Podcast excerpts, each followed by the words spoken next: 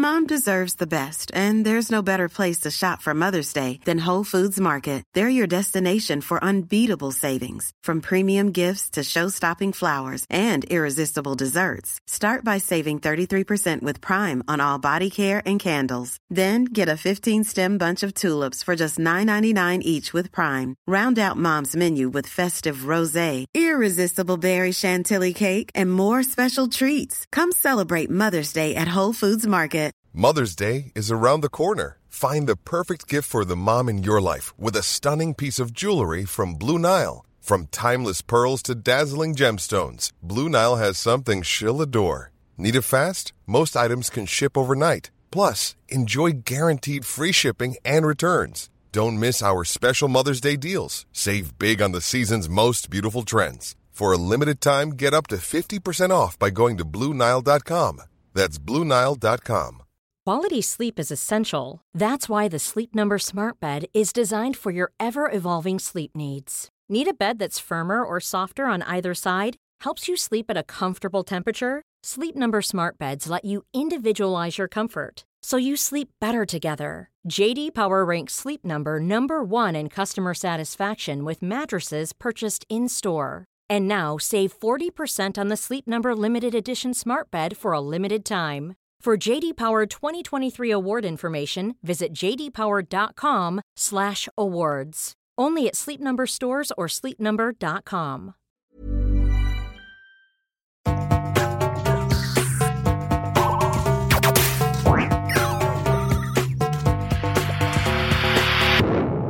Jeg heter Sondre Risom Livre. Jeg er psykolog, og dette er Webpsykologens podkast. Hverdagspsykologi for eh, fagfolk og folk flest.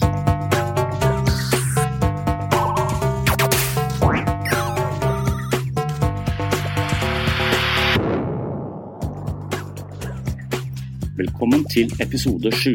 Dagens tema er personlighet. Hvordan utvikles vi som mennesker? Hvordan dannes vår personlighet? Hva er egentlig personlighet, og kan den forandres? Det er mange spørsmål, og jeg håper at den neste timen skal by på noen mulige svar. Underveis i dette foredraget refererer jeg til noen plansjer. Disse plansjene legger jeg ved i shownotes under webpsykologen.no, podkast og episode sju.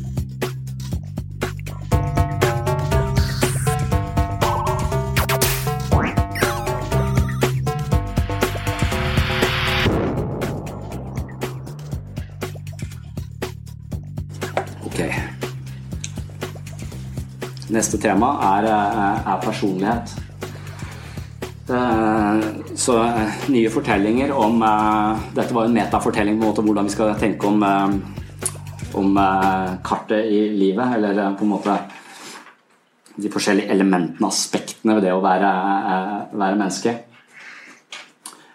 Dette går mer sånn ned i individet, og denne fortellingen går på hvordan skrus vi sammen som mennesker, hvordan blir vi mennesker, hvordan utvikles personligheten vår. Og Det jeg tegner opp der sånn, det eh, forstår jeg som eh, grunnmuren i menneskets eh, personlighet. Eh, og det vil si at eh, eh, vi tar fortellingen helt fra vi blir født. For psykologer er veldig opptatt av de tidligste eh, leveåra. De, der mener de at det er veldig eh, mye viktig som skjer. Det er ikke uten grunn. Men med en gang barnet kommer inn i, inn i verden, så, så, vil et sunt og friskt barn eh, være aktivert i søke- og, eh, og lystsystemet. Eh, på en måte søkesystemet. Så eh, barnet søker mot eh, puppen, eller tåteflaska. Eh, for pri 1, når det kommer ut i denne voldsomme verden etter en ganske strabasiøs ferd ned, ofte, så, så, er det å få mat og få noe inn, det er, det er overlevelse som er pri igjen. Når du får noe i munnen og får melk, så er check på overlevelse, og da er det, det i orden. Og da vil på en måte det ja, det, er, det, er, absolutt det viktigste først. Og det er det søke- og lystsystemet. altså Dette kaller jeg sånn grunnleggende emosjonelt styringssystem. Så Noen sier at barn er født som en tom tavle. Men de er nå født med en, med en hjerne, og de er født med noen, en del sånne forhåndsinnstilte programmer som sørger for overlevelse helt i starten. Så de er ikke helt blanke. De vet ikke så mye om uh, politikk og filosofi og sånn, det kommer etter hvert. Men de vet, eller kroppen forteller deg at de skal mot eh, puppen, mot trygghet, koble seg på eh, mamma eller pappa med, med flaska. Hvis det nå er det sånn likestilling så, Det er litt slitsomt, for jeg pleier å si puppen, og så nå må jeg si tåteflaska og sånn, sånn for ikke neglisjere mannens rolle i det, det øyeblikket. Men, men, i hvert fall så, så, er det sånn hjernen fungerer, at mot dette. Og da er det velbehag. Freud han sa at han mistenkte at inni huet på babyen som får melk eller pupp, skjer det samme. Det er like mye velbehag, like mye sånn god nevrokjemi inni huet som når han røyker opium. Så, så han likestilte pupp og opium, var, var, var han opptatt av. Det, det, er en ganske god sammenligning, tror jeg. En ganske god eh, parallell. Det som skjer da, når barnet kommer inn i verden og tenker at nå vil jeg ha noe i munnen, for nå er jeg litt urolig her, eller, eller så, og ser at nå er det ikke noe mamma her, det er ikke noe pupp her. Det kaller man det den onde puppen. Det er den som ikke er der når den skulle vært der. Eller den onde tåteflaska. Da. Og da, da slår panikksystemet inn, og da begynner babyen å gråte. Og det er for å påkalle seg oppmerksomheten. Sånn at hvor i huleste er den puppen? Den trenger jeg akkurat nå. Da kan du komme med en pupp, men hvis du ikke har noen pupp, så kan du også komme med en, en smokk. Det fungerer av og til. Min sønn ikke Han vil ikke ha smokk. Det syns jeg har vært et kjempeproblem. Så, for det er jo sånn at det, det, som skjer er at Freud snakket om noen fikseringer. Så det skjer noen sånne trøblete ting opp igjennom at ikke puppen er der når vi, når vi vil. Og sånn. Og da vil vi ofte ta med oss noe av denne, denne angsten opp i, i, i voksenlivet. Og så vil vi bruke noen av de samme strategiene som vi gjorde da vi var baby, for å, for å skape ro. Så når vi da i voksenlivet er urolig og, og stressa, så må vi ut og ha sånn røyk. For eksempel. vi må ha noe i munnen. Det er ikke det at røyk demper stress i seg selv, det øker egentlig stress, men det er det å få noe i munnen som er stressdempende. Så noen spiser da overdrevent mye, spiser piller, drikker alkohol, tygger på knokene, biter negler. Bare rett og slett stimulerer munnen altså, når, de, når de er emosjonelt urolige. Så det å putte ting i munnen demper eh, stress, uro. Stress, følelser uten ansikt som vi ikke vet hva er, som vi ikke klarer å forstå og håndtere, men som bare river oss i kroppen. Tar vi noe eh, i munnen. Og Sånn er det med babyen. Når de får noe i munnen, så, så, dempes dette emosjonelle, eh, stresset. Og Min sønn, da, som ikke vil ta eh, smokk, det er et problem, for da har jeg ikke noe å putte i munnen på han, sånn at han, han roer seg ned. Så jeg har prøvd å få han til å begynne å røyke. Eh, nå er han bare to år, da, så, så, det er kanskje litt tidlig. Men eh, det blir jo veldig mye bråk da, når han eh, ikke har noe å roe seg ned på. Så Malbro Light, det liker han. Eh, Uh, ja. Um, og det, det, er litt sånn at det, det som er interessant med dette Når jeg ble opptatt av hjernen og sånn, så, uh, så, ble jeg litt uh, interessert i hvordan det var i mitt eget liv. Og, og, og, jeg merker selv at jeg putter ting i munnen når jeg er stressa. og jeg merker det jeg merker det hvis jeg skal ut og møte nye mennesker som jeg ikke kjenner så godt. så Uh, og jeg er på byen med nye mennesker som jeg ikke kjenner så godt, så drikker jeg mer enn hvis jeg er på byen med folk som jeg kjenner veldig godt og er veldig trygg på. Så jeg kan merke det på graden av hodepine på søndag, egentlig. Uh, I hvilken grad jeg var trygg eller utrygg dagen uh, i, forveien. Så, så, det er nok noe med det at hvis du er på en eller annen måte litt ukomfortabel, så, så, så går, det, går, det, raskere. Kan prøve å stå alene på dansegulvet. Det er jo helt da, da er det mye regulering eh, av følelser. Nå hjelper alkohol i seg selv òg, da. Eh, så, så da har det en dobbel effekt. Eh, så det. Men, men det som er interessant med, med hjernen også, er at når jeg, når jeg vokste opp, så sa de at ja, du har en hjerne som har så så mange nerveceller. Men du skal passe deg litt, for hvis du drikker øl eller nikker av fotball, så dauer de jernceller De får aldri tilbake igjen. Eh, eh, så, så det går 200-400 hjerneceller med på én fotballkamp.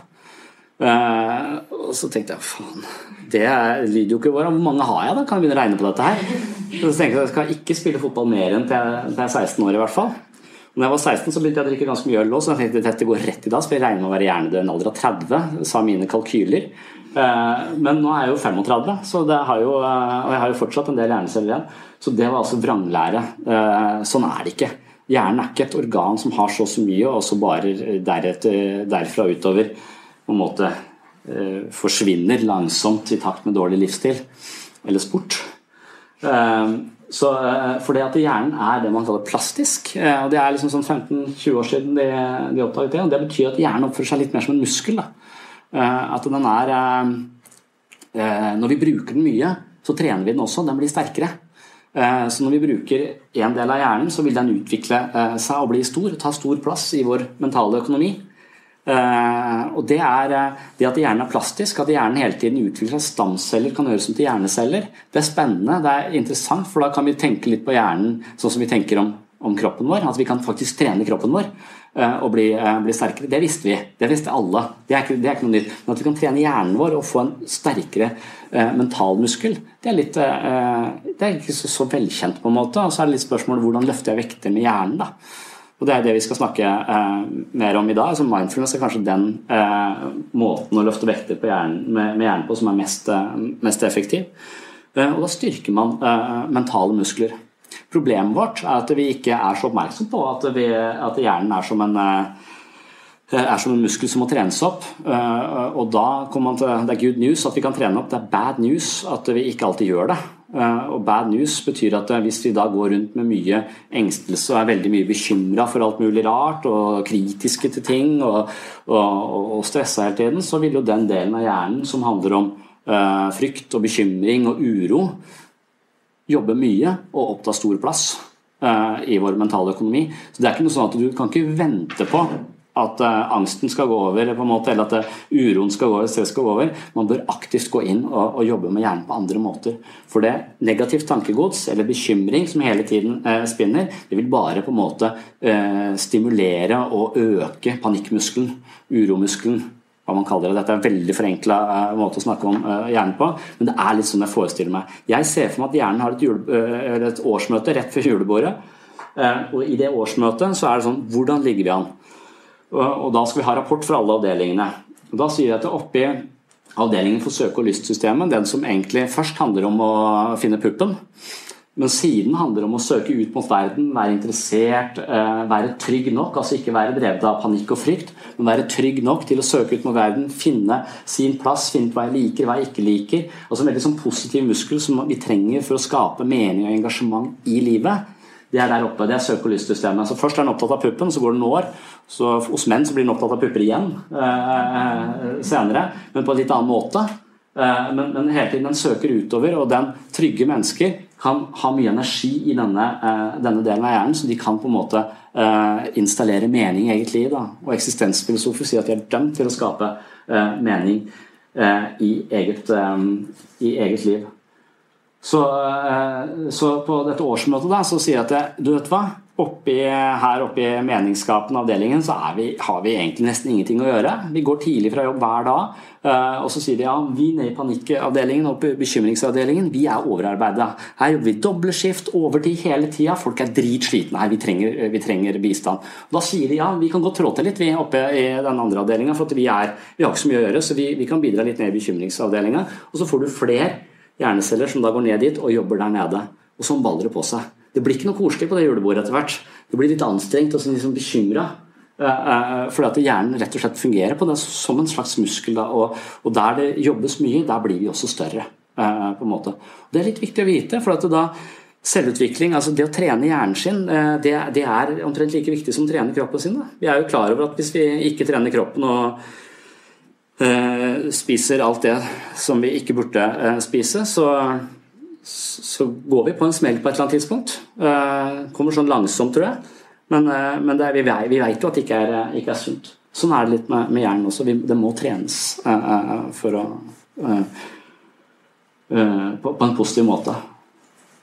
Og da kan vi også bli mentalt sterkere. Jeg har drevet flydd på treningsstudier hele livet uh, i den hensikt å få større muskler. fordi jeg trodde at bare sånn at du bryter muskelen ned, så begynner den seg opp og den blir litt større for hver gang. Men det skjer ikke hos meg, altså. Uh, så akkurat der er en feil med meg. For nå har jeg trent Nå har jeg veid det samme siden sjette klasse. Hele tiden prøvd å, å bli, bli, større og få større muskler. uten noe som helst effekt.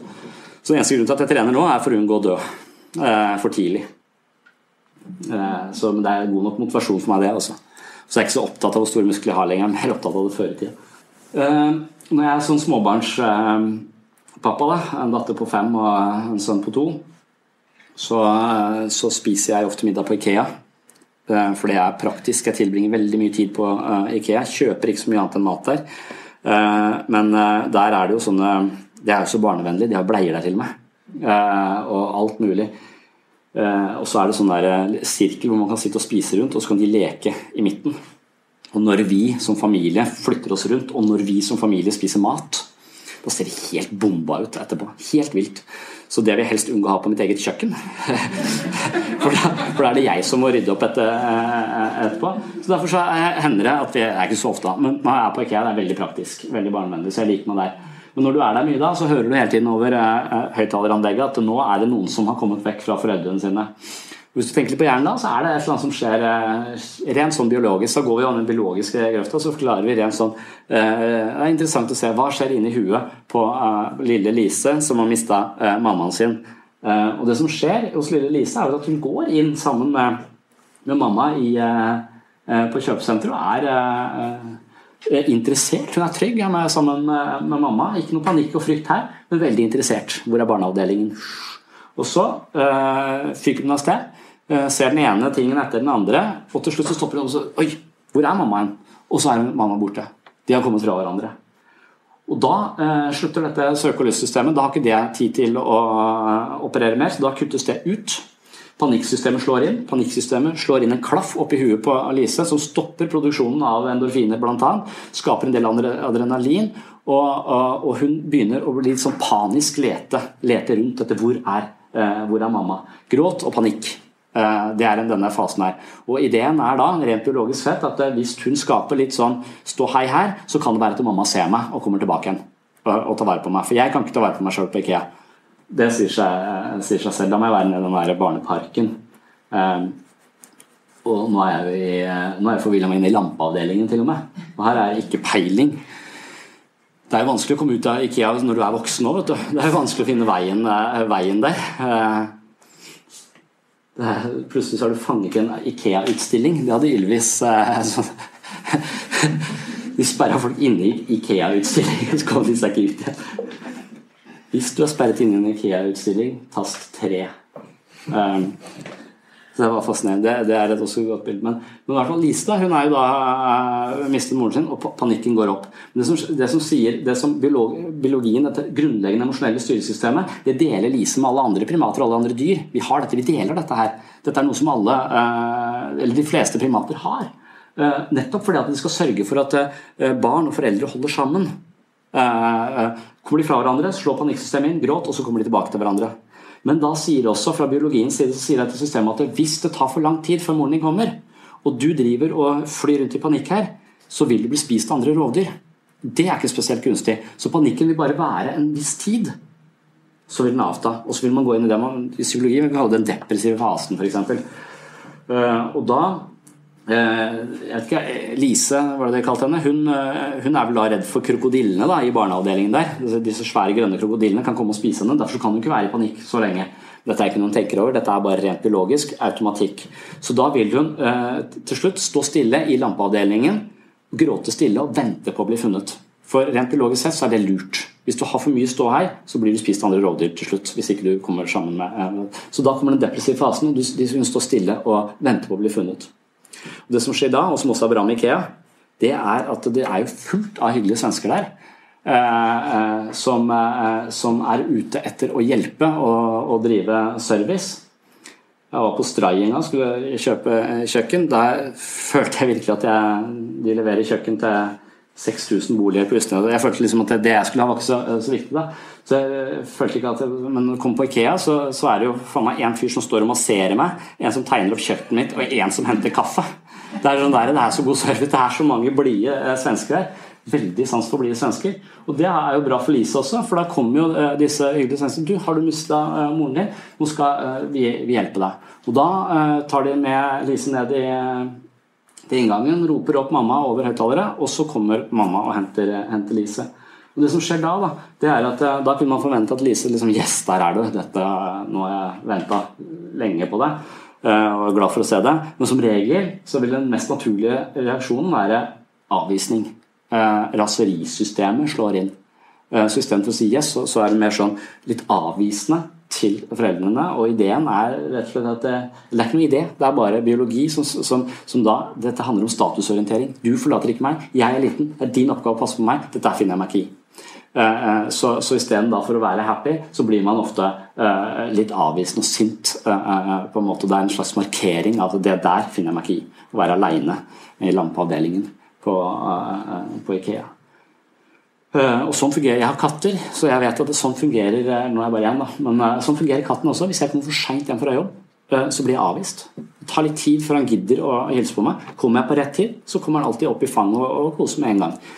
Hvis jeg svikter den, kommer litt for seint så avviser han, meg. Jeg mistenker at det er det samme systemet inni huet på, huet på katten som er i Lise på, på Ikea. Så det der da eh, Historien om Lise er på en måte eh, historien om hvordan eh, det noen kaller avvisningens kretsløp, som går fra å være ivrig kanskje og engasjert til å få panikk, til å gå inn i en depressiv fase, til å bli sint. Det er akkurat det samme mønsteret som skaper skilsmisse i en del familier.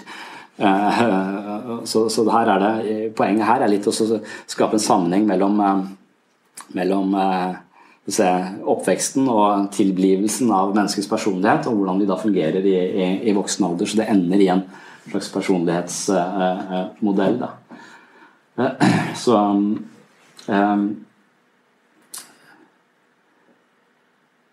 og hvis, hvis, dere har sett det der på TV, den Syk forandring Det gikk for et par år siden. Det, det handla om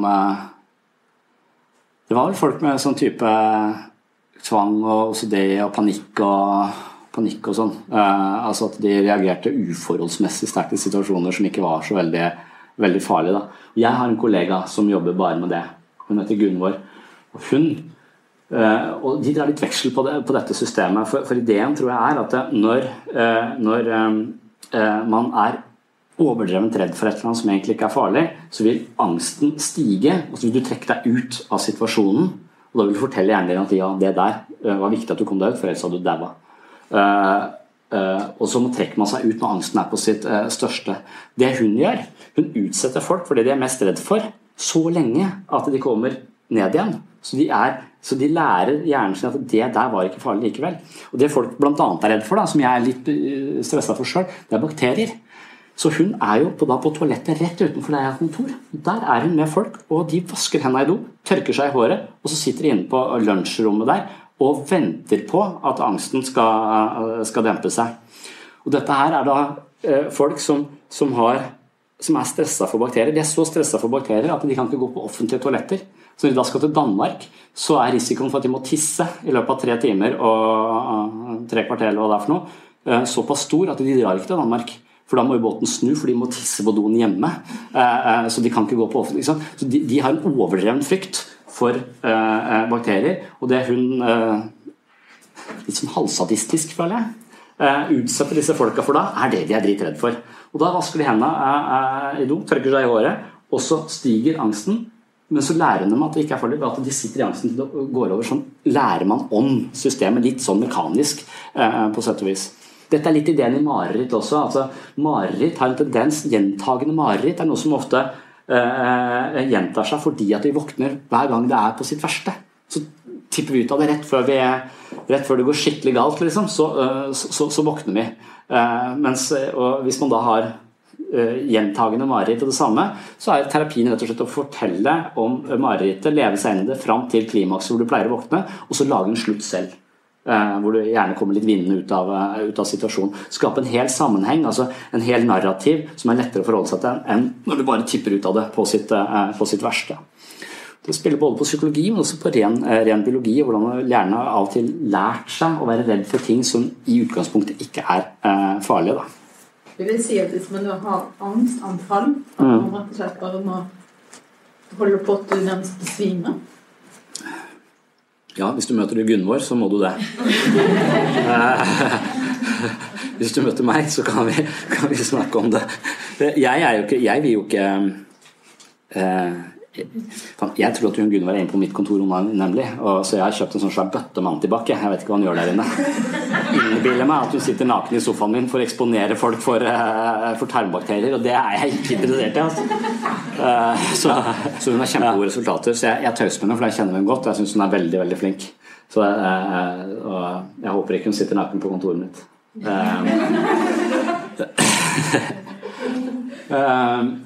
I hvert fall så, så er det litt av, litt av en grunnleggende forståelse i hvordan dette, dette, apparatet fungerer. Da, og, og det dette skal ende opp i, forhåpentligvis da før vi, før vi, spiser, er den grunnleggende forståelsen av hvordan vi blir skrudd sammen som mennesker. Hvordan dette er med på å skape personligheten, eh, personligheten vår.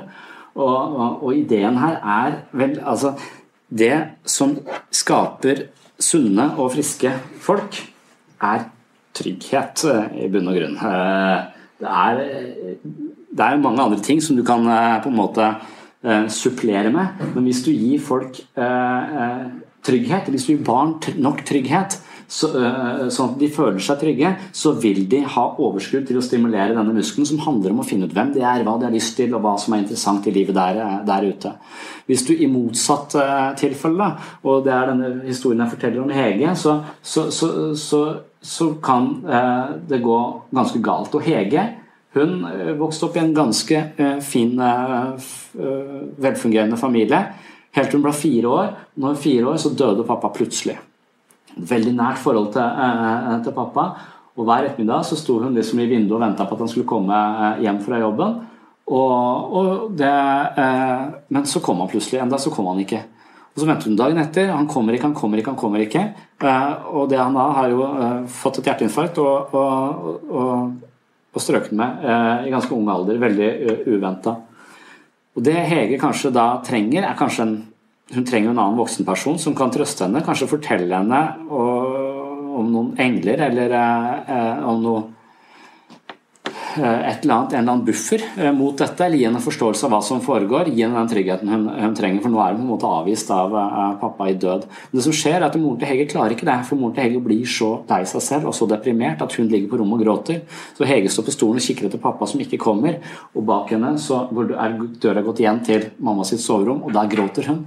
Og når mamma gråter og pappa ikke er der, så er det ingen som kan ta vare på, uh, uh, på Hege. Så all hennes energi vil da være bundet opp i panikk- og fryktsystemer.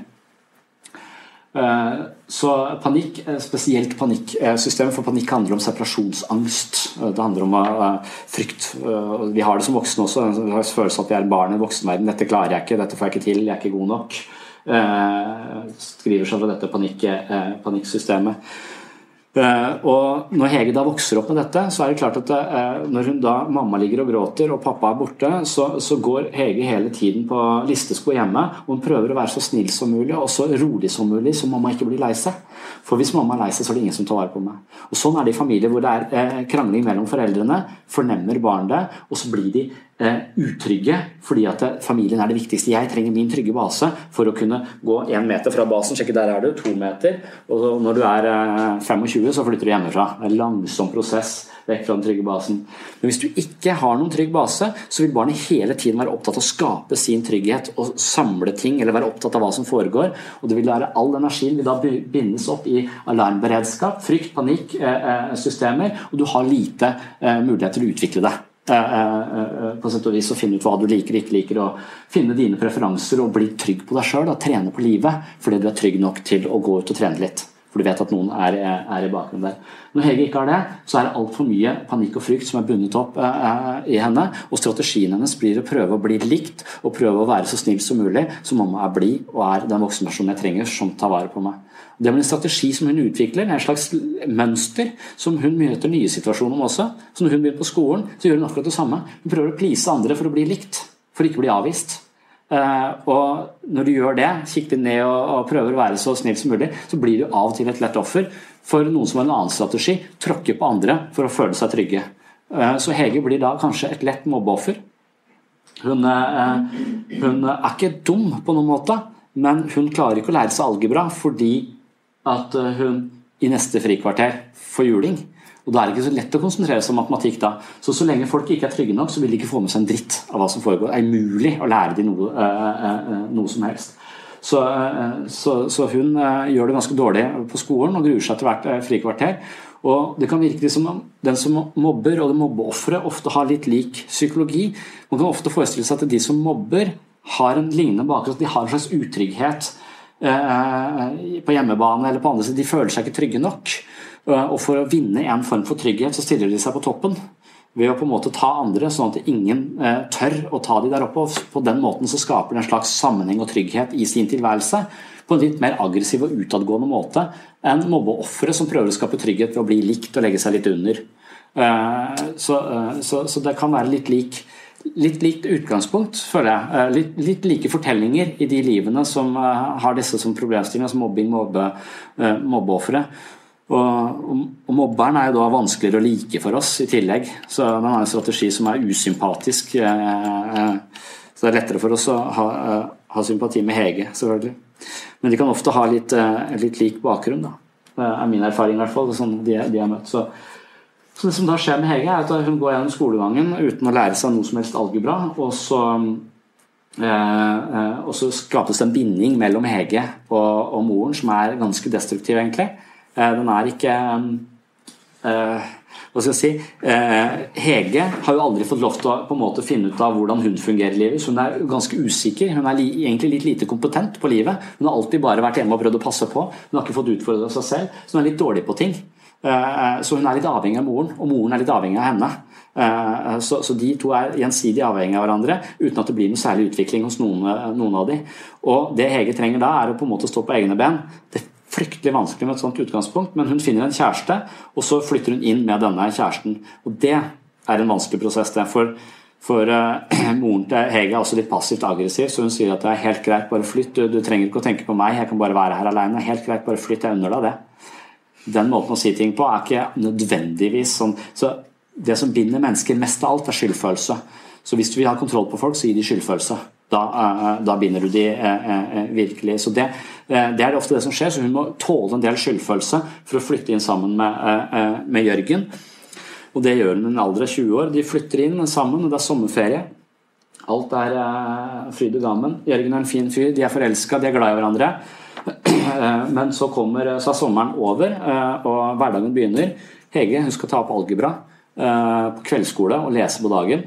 Mens Jørgen han jobber som tømrer, og han drar klokka halv åtte på morgenen. Det som da skjer, er at det, når han går på jobben og døra smeller igjen, så får Hege hjerteinfarkt. Det ligger jo til familien, eh, på en måte. Eh, faren døde jo av, eh, av hjerteinfarkt, så hjertet hennes bare går helt i spinn. Det svimler for henne, og, hun får, får, vondt i magen. Så hun ringer til han og han må komme hjem, og de må kjøre på, til legen. og Legen sjekker henne opp på mente, men finner ingenting.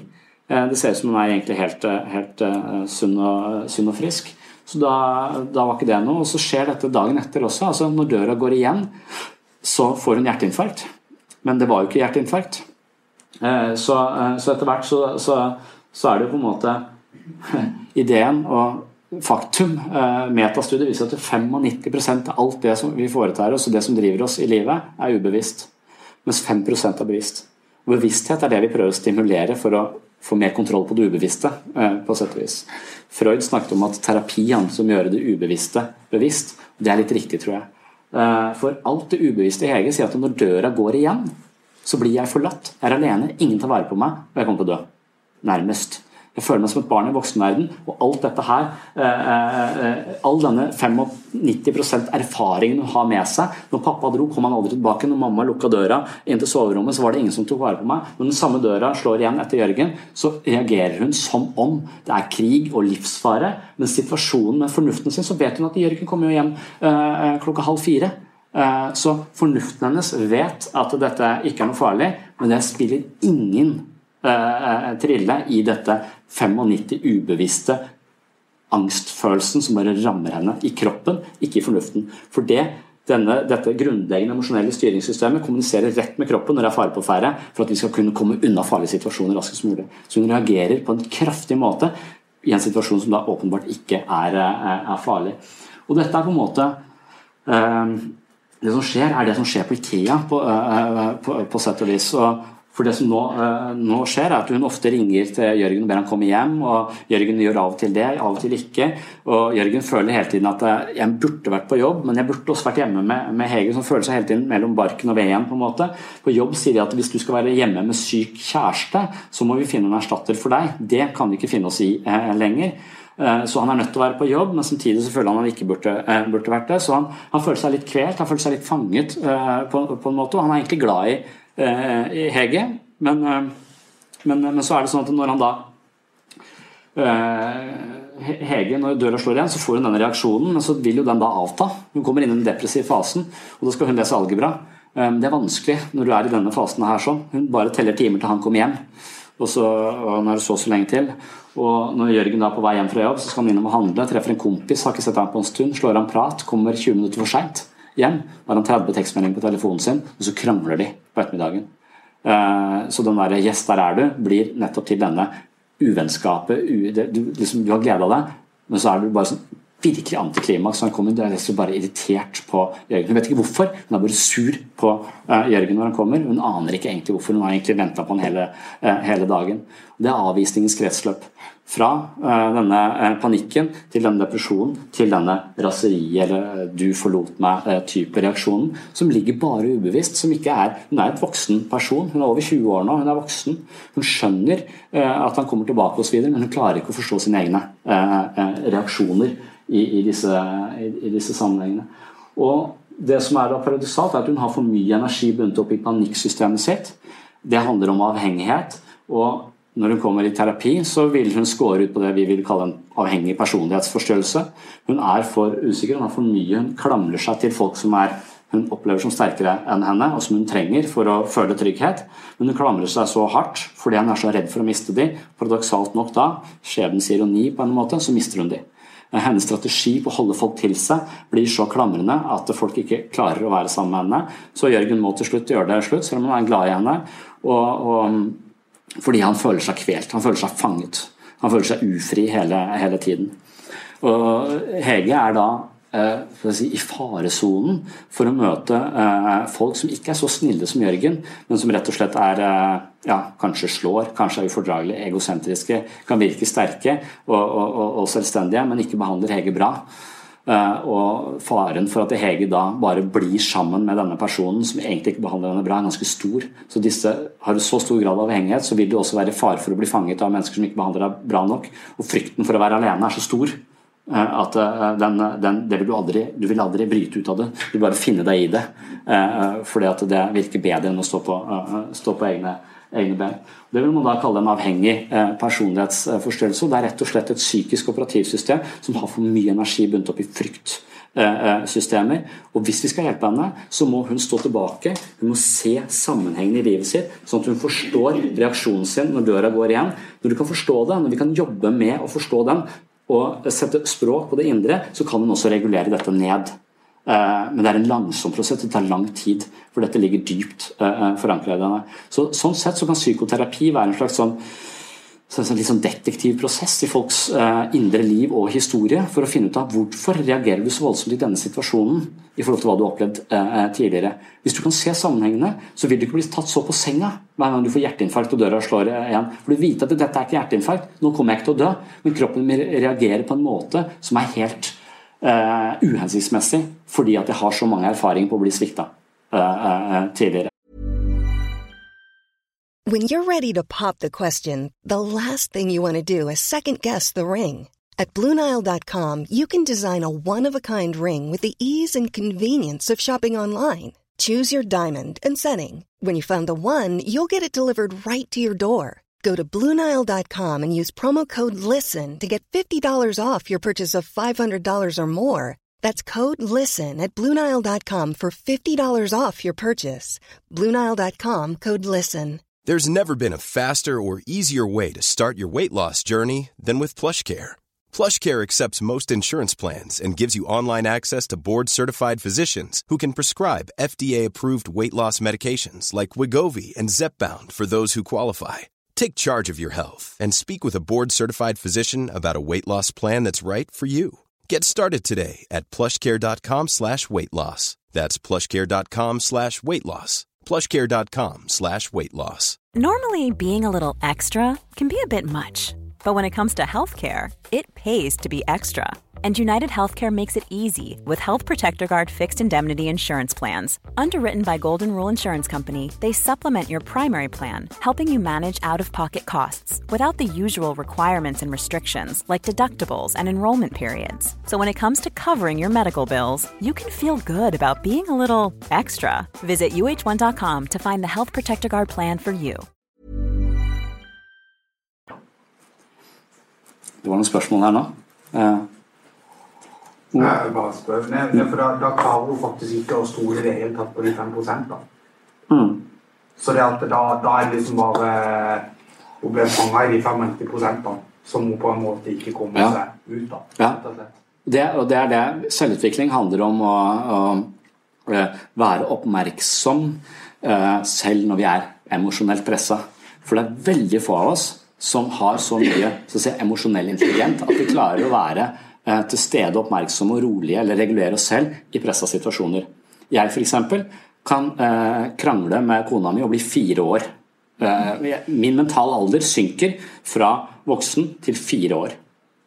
Eh, og, og selv om jeg vet om det, selv om jeg forstår dette, selv om alt er tilrettelagt, så, så kan jeg til og med bli sint på uh, dattera mi på fem år for ting som er helt uhensiktsmessig å uh, bli irritert uh, over. Men rett og slett evnen til å regulere seg selv, forstå kollapser, og vi blir bare fanget av, av følelser.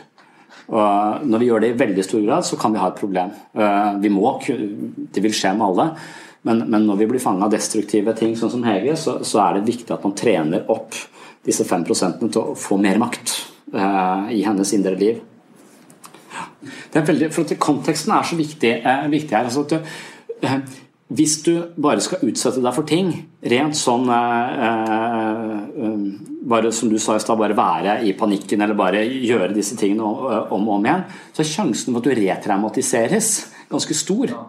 Så, så, med mindre du har et slags bevisst prosjekt om at nå går jeg inn i en situasjon som jeg vet er, er, er vanskelig for meg altså du, du, må liksom være så oppmerksom på at dette gjør jeg for å, å, å, bevise for meg selv at det ikke er farlig.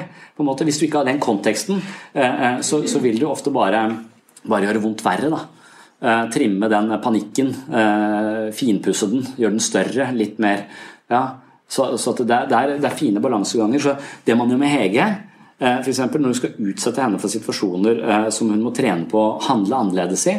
Det er f.eks. at hun, hun, hun har ikke så mange venner heller. Det er fordi at hun også der er ganske klamrende. Så hun ringer folk.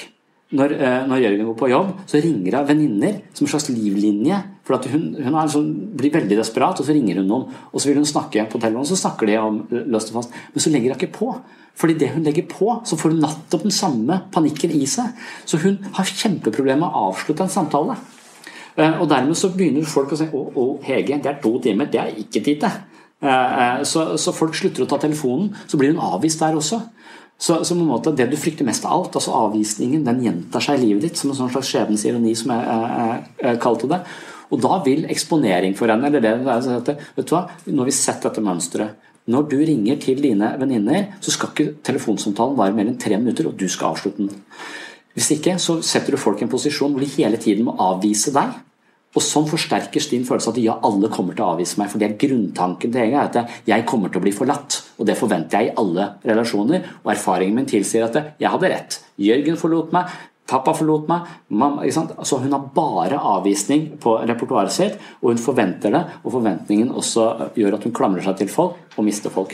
Så, så hun må da lære seg at hun må se mønsteret, og så må hun trene på å legge på. Det er sånne bitte små ting som hun kunne trene på. Kunne sånn som hun, Gunvor er kjempeflink til å finne eh, ting vi kan gjøre eh, for, å, uh, for, å, forandre oss. Da. Eksponeringsøvelser, som hun, uh, som hun kaller det. Og Da må man være litt kreativ og, og, og finne ut uh, ting. Men for Hege så var det første skrittet på veien. Det var rett og slett å komme inn i et mønster hvor det var hun som avslutta telefonsamtaler, sånn at andre slapp å gjøre det.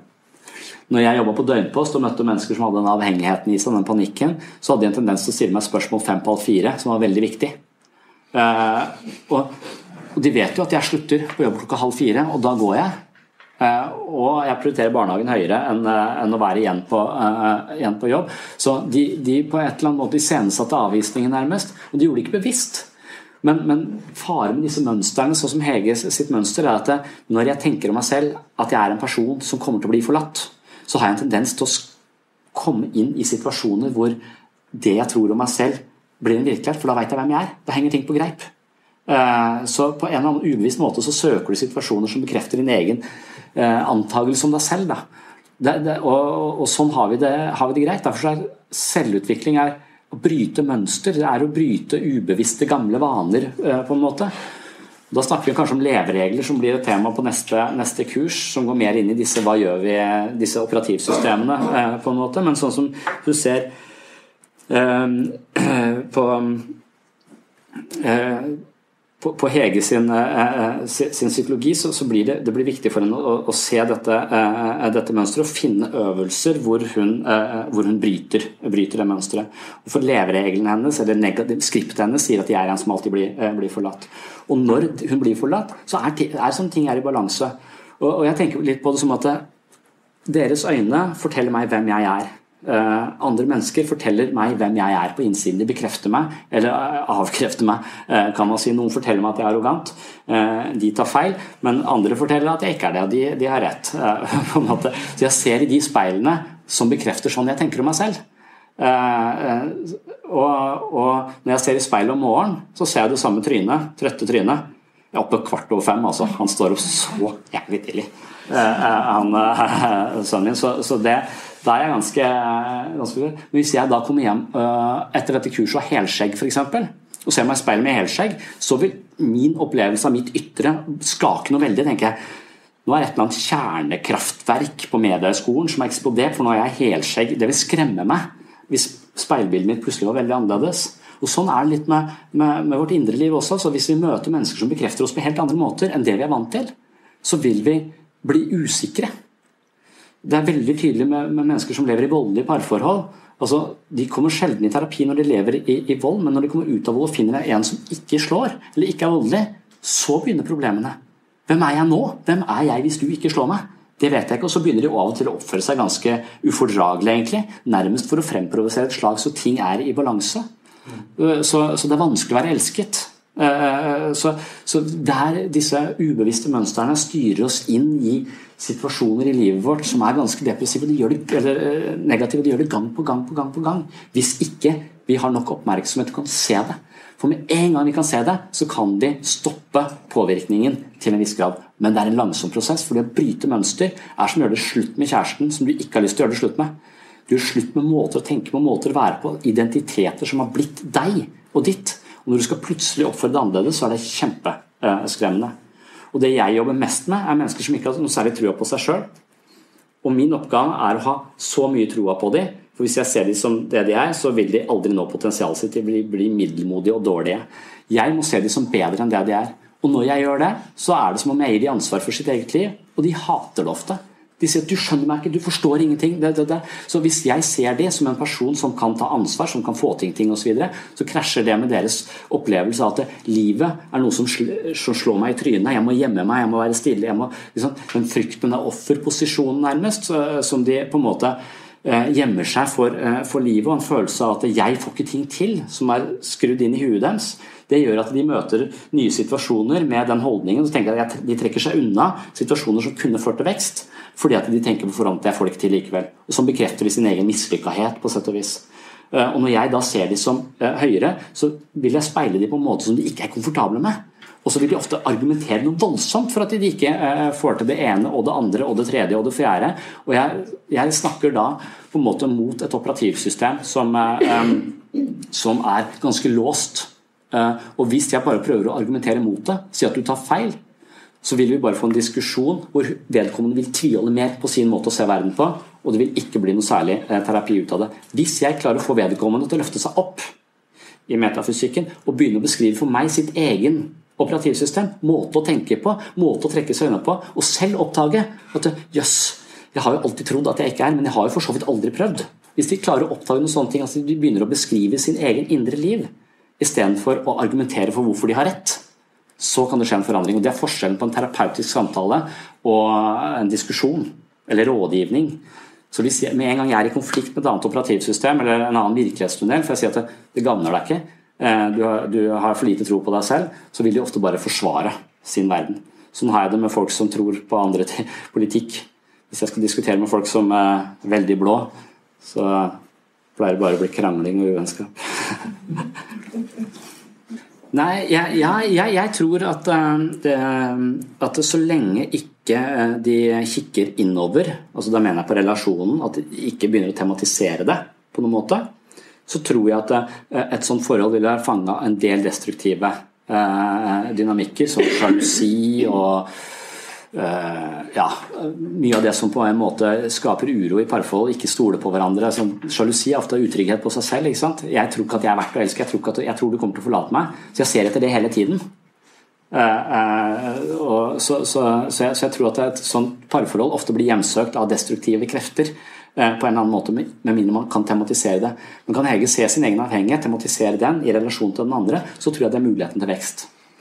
Personlig så tenker jeg at jeg er storebror. Eh, jeg har en lillebror. Han er riktignok to meter høy, eh, eh, så, men, men, men, jeg er nå alltid vokst opp som, som storebror. Jeg tror det er en forskjell på søskenrekkefølge osv. For når jeg ser på mitt eget de, Jeg har ikke så mange kjærester, men har hatt noen kjærester opp igjennom, og de har ofte vært lillesøstre. Og det vet ikke jeg. Jeg tror, tror ikke det er helt tilfeldig. Og Jeg tror kanskje at mitt problem er at jeg skal ta ansvar, jeg skal ha kontrollen osv. Jeg klarer ikke å slippe ansvaret. La noen andre overta. Og, og, og Lillesøstre har kanskje hatt storebrødre som har tatt vare på dem, og de er vant til å bli tatt vare på. Og Så finner vi hverandre, og så forsterker vi hverandres behov. Jeg får kontroll, hun får ivaretas.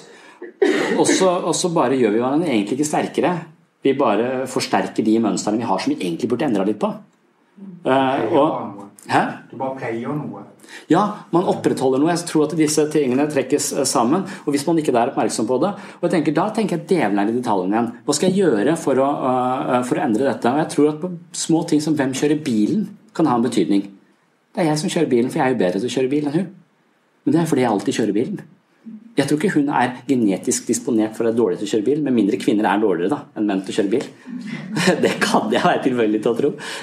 Men, men, poenget er ikke det. Poenget er at hvis vi kjører 50-50, at jeg alltid kan sitte som passasjer hun har ansvaret i, på en motorvei 100 km med vogntog Det er ganske et stort ansvar. Og at jeg kan bare sitte og slappe av og, og la henne ta ansvar. At vi kan bytte på. Så tror jeg vi bryter mønster på en måte. For vi har veldig tendens at jeg typisk kjører bilen, hun sitter eh, eh, på siden. Jeg, jeg, jeg, tror han ville hatt store problemer med det. Jeg tror i hvert fall han ville hatt et slags springbrett, eller hva det kalles. Hun ville allerede ha innleda et forhold til en annen eh, som hun var sikker på Nei, det, det, liksom, Hege fins ikke.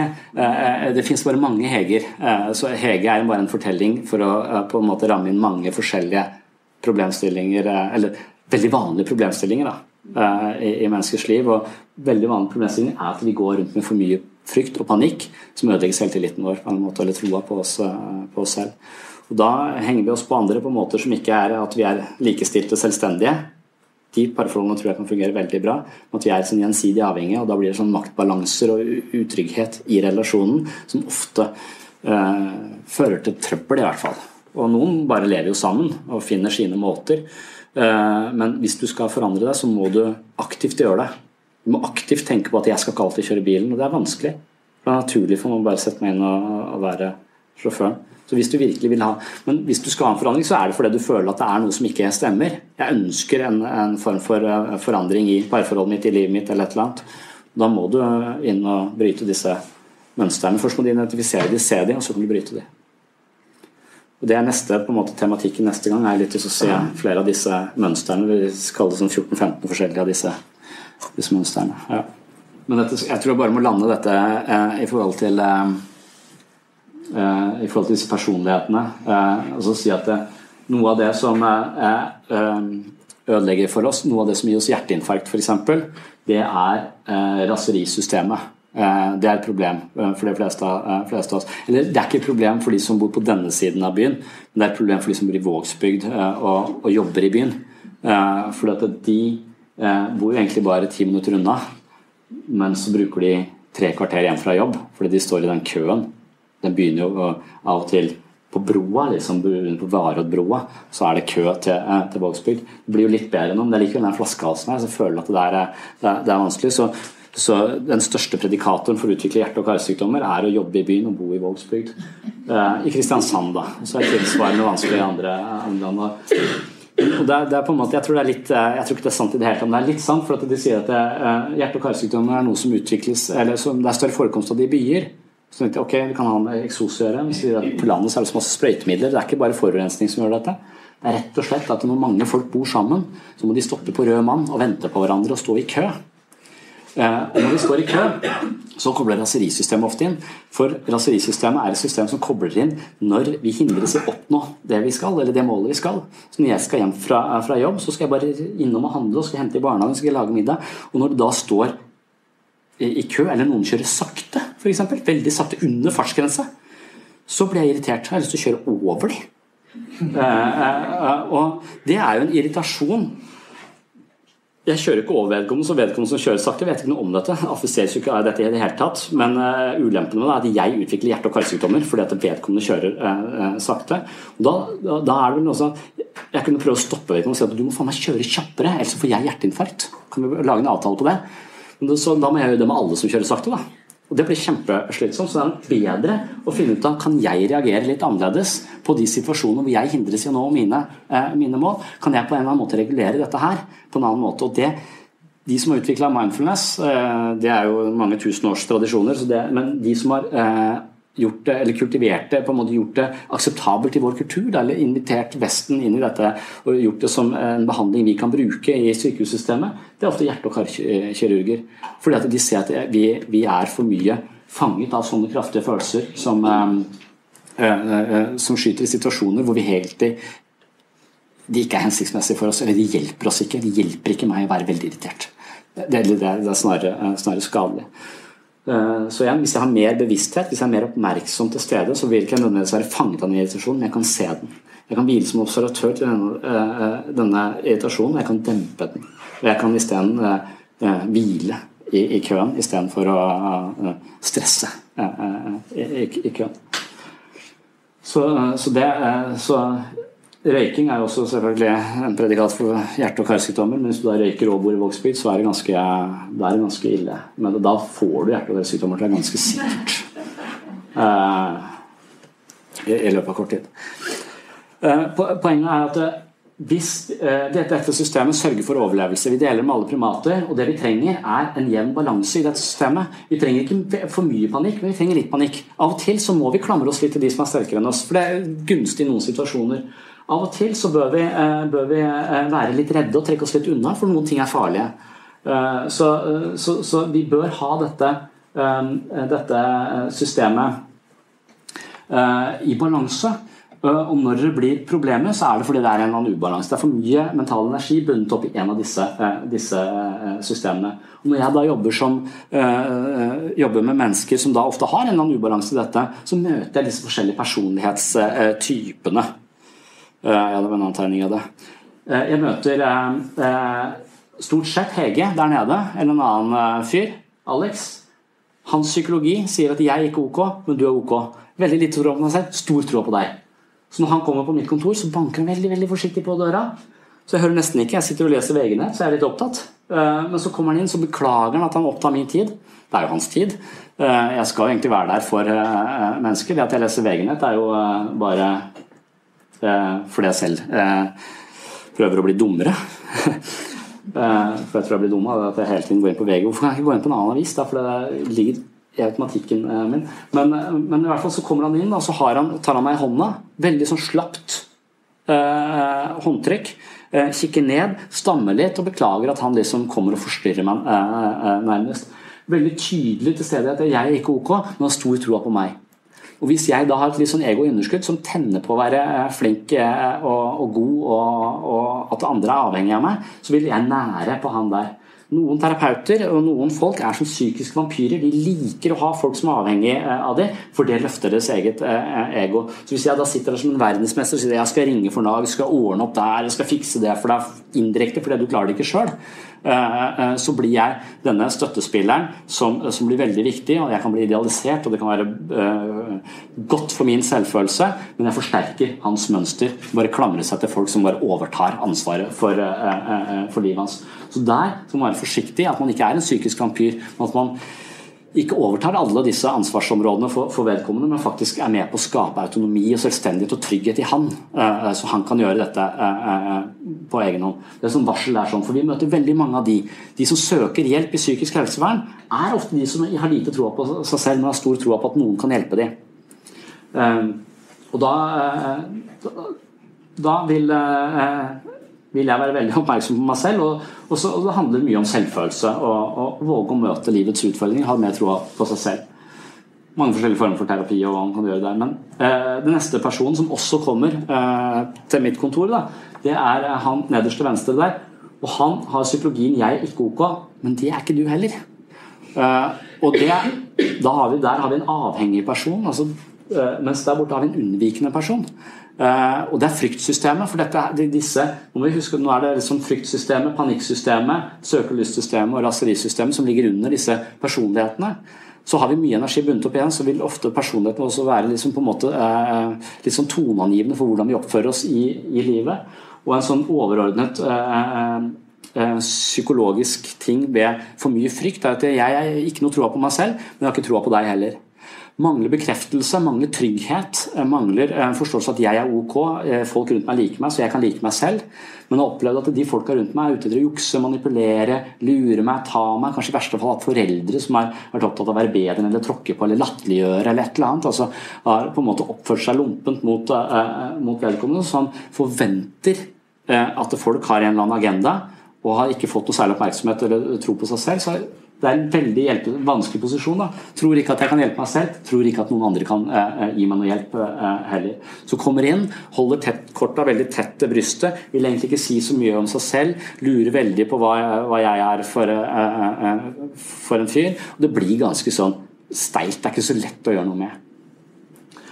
det her relasjonen og det å ha en nær og god kontakt i terapi er sånn helt alfa og omega. altså Skape nok trygghet at vedkommende kan lette litt på denne mistilliten han har til, eh, til verden. Dette filteret som, eh, som, skaper avstand og ikke, ikke nærhet til andre, andre, mennesker. Så går du litt lenger opp eh, mot venstre. altså Det som ligger på den siden der, på venstre her, det er følelsesmessig kaldt. Det som ligger til høyre, er følelsesmessig varmt. Det som ligger her nede, det er lite selvhevdende, lite troa på meg selv. Det som ligger der oppe, er dominant tro på seg selv. Så dette er de fire mest grunnleggende personlighetene som skriver seg litt fra den biologien som ligger langt nede i, eh, i, i hjernen vår. Og da kommer han der, eh, eh, av og til han der 'jeg er ok, du er ikke ok'. Det er, ikke, det er en selsom opplevelse. Heldigvis så kommer jo ikke han så ofte. Fordi at Han har jo troa på seg selv, men han har ikke troa på meg eventuelt. Så, men når han kommer, så er det fordi han har tvunget til meg av kona. For kona har sagt at hvis ikke du går og jobber med deg selv, så, uh, så, vil jeg skille meg. Så han kommer på mitt kontor, så banker han så hardt på døra at jeg skvetter. Og så åpner jeg litt sånn for så tar han meg i hånden og så klemmer han så hardt at, uh, at, jeg får, at jeg hører det knaker i fingrene mine. Og så stirrer han meg så lenge inn, eller han stirrer meg i øynene så lenge at jeg må ta blikket ned. Uh, og så går han forbi meg inn på kontoret, så seg i min stol. Så lener han seg tilbake, så tenner han opp en røyk, og så blåser han røyken i trynet på meg. Så sier han Hvor gammel er du? Hva slags utdannelse har du? Og så forteller han meg hvor mye han tjener. Og så sier han at det er dobbelt så mye som du tjener. Jeg har sjekka det. Eh, og så sier han at for øvrig så har jeg ikke noe problem. Det er kona mi som har et problem. Hun er helt hysterisk. Hun oppdaga at jeg er utro igjen. Hun må skjønne at jeg er en mann som trenger flere kvinner for å være eh, eh tilfreds. Eh, så hun har sagt at jeg må gå hit eh, til deg for å jobbe med meg selv, selv om jeg ikke har noe problem. Eh, for hvis ikke så vil hun ta ut skilsmisse, og det har jeg verken tid, det gidder jeg ikke, og det har jeg ikke råd til heller. Så kan du bare si at jeg har vært her, så avslutter vi litt tidlig. Så det er greit. Får du mange sammen? de, de bruker, de bruker eh, det, dette, Husk, dette er frykt, eller raserisystemet. Det handler om, handler om statusorientering.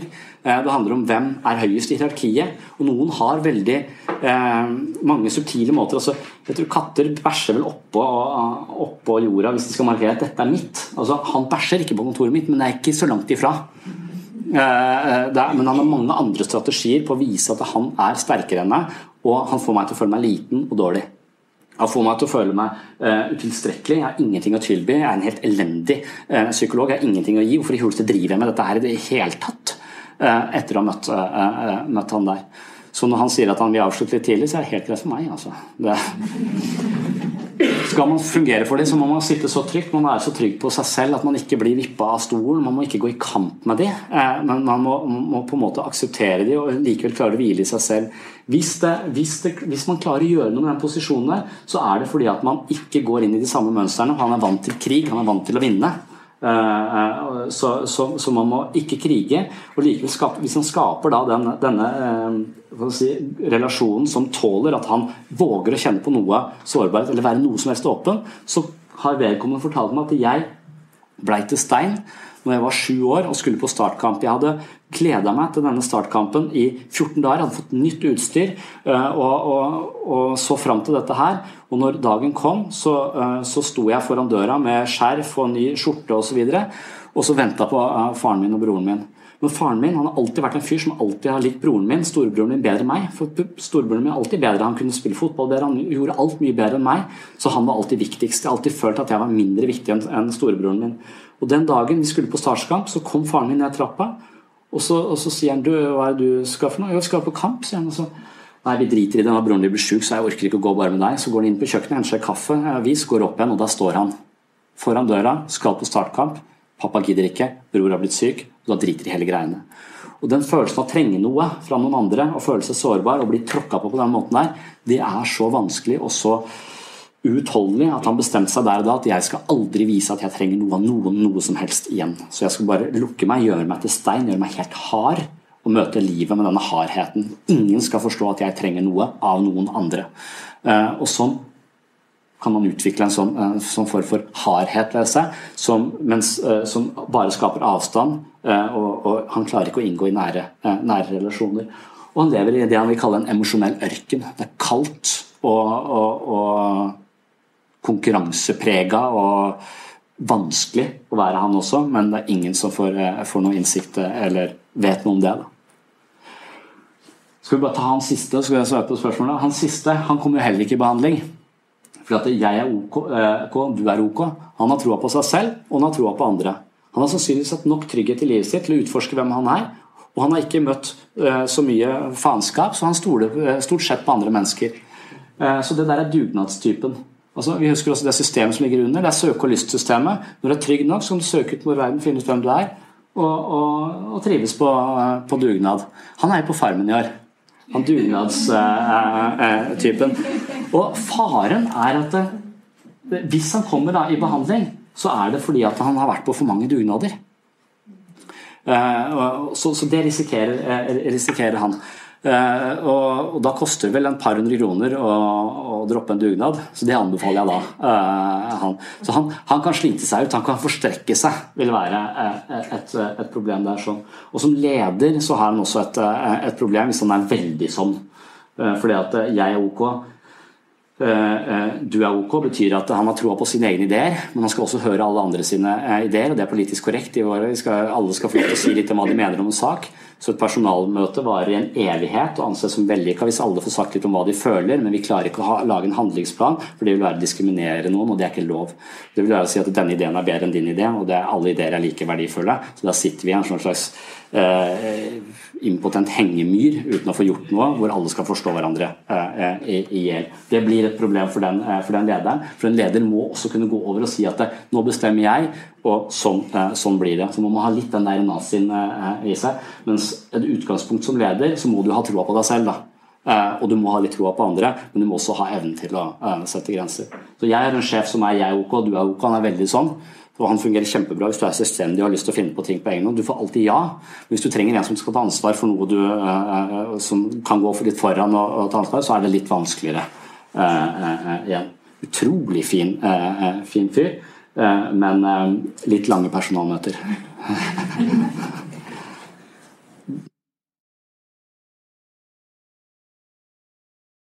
ja, ja det, det, kan han nok helt sikkert. Ja. At det også er en strategi å, å være bedre enn andre uh, for, å, for, å, skape trygghet. Føle seg trygg nok.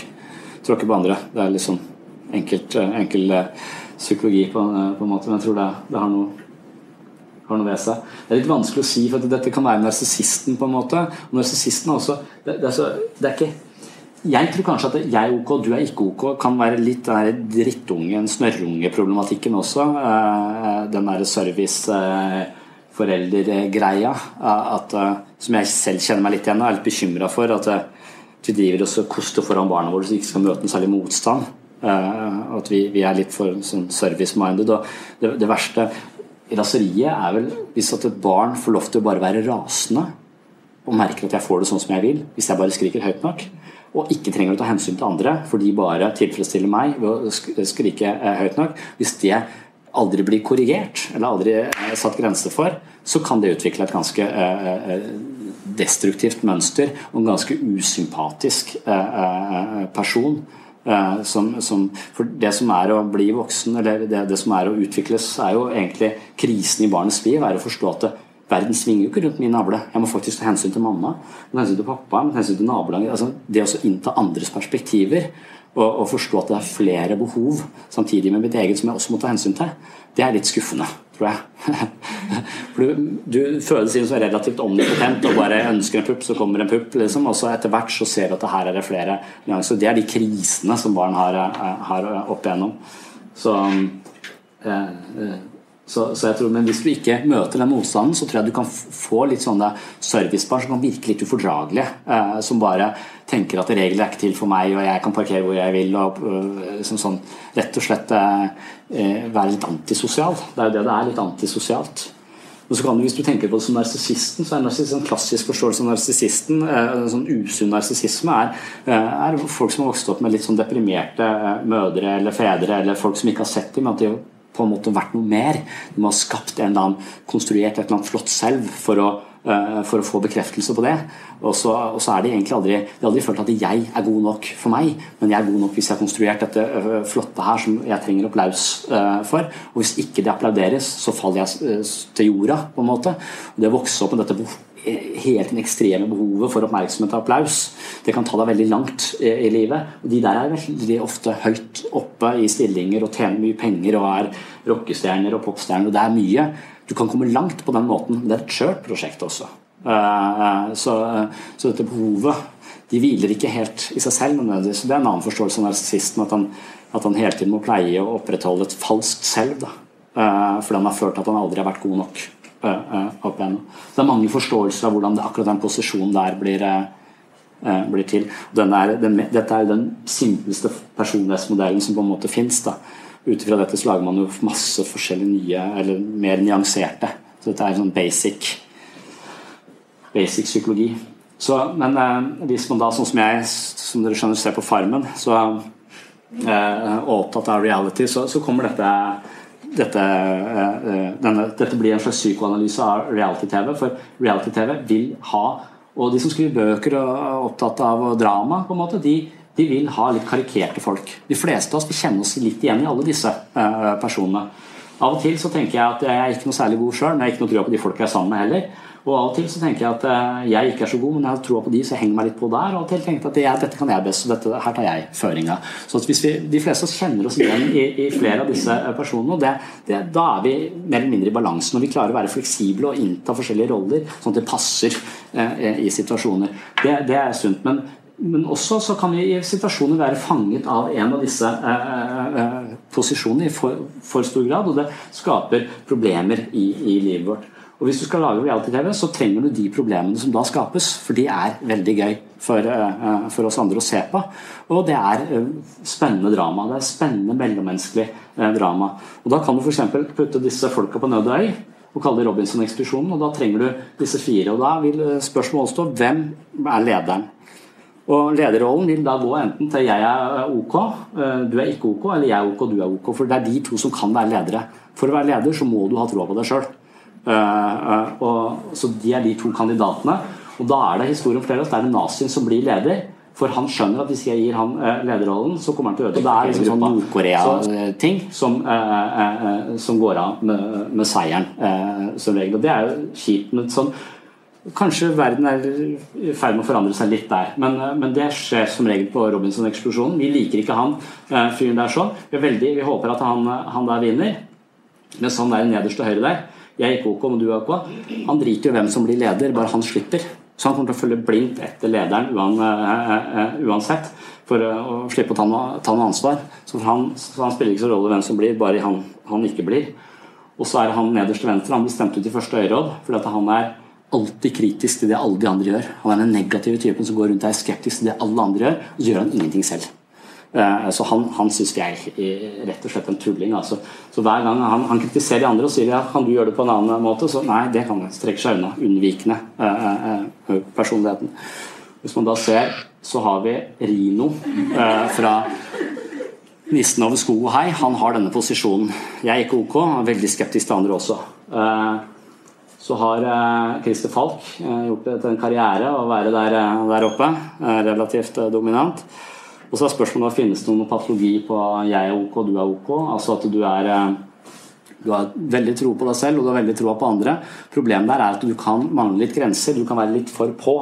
Eh, så av og til er det lurt å være litt skeptisk, sånn som Rino.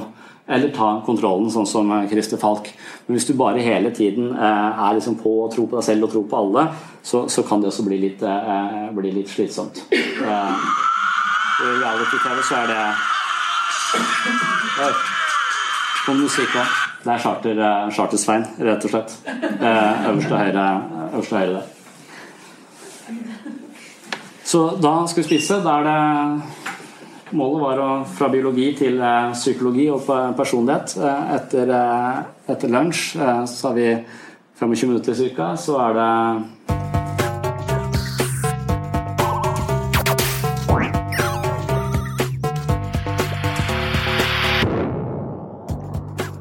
for at du hørte på Webpsykologens eh, podkast.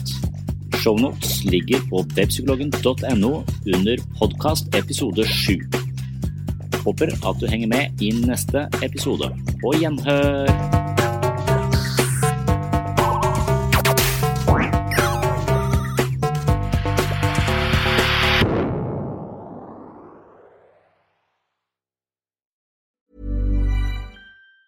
Even on a budget, Quality is non-negotiable. That's why Quince is the place to score high-end essentials at 50 to 80% less than similar brands. Get your hands on buttery soft cashmere sweaters from just 60 bucks, Italian leather jackets, and so much more. And the best part about Quince, they exclusively partner with factories committed to safe, ethical, and responsible manufacturing. Elevate your style without the elevated price tag with Quince. Go to quince.com slash upgrade for free shipping and 365-day returns. Cool fact, a crocodile can't stick out its tongue. Also, you can get health insurance for a month or just under a year in some states. United Healthcare short-term insurance plans, underwritten by Golden Rule Insurance Company, offer flexible, budget-friendly coverage for you. Learn more at uh1.com.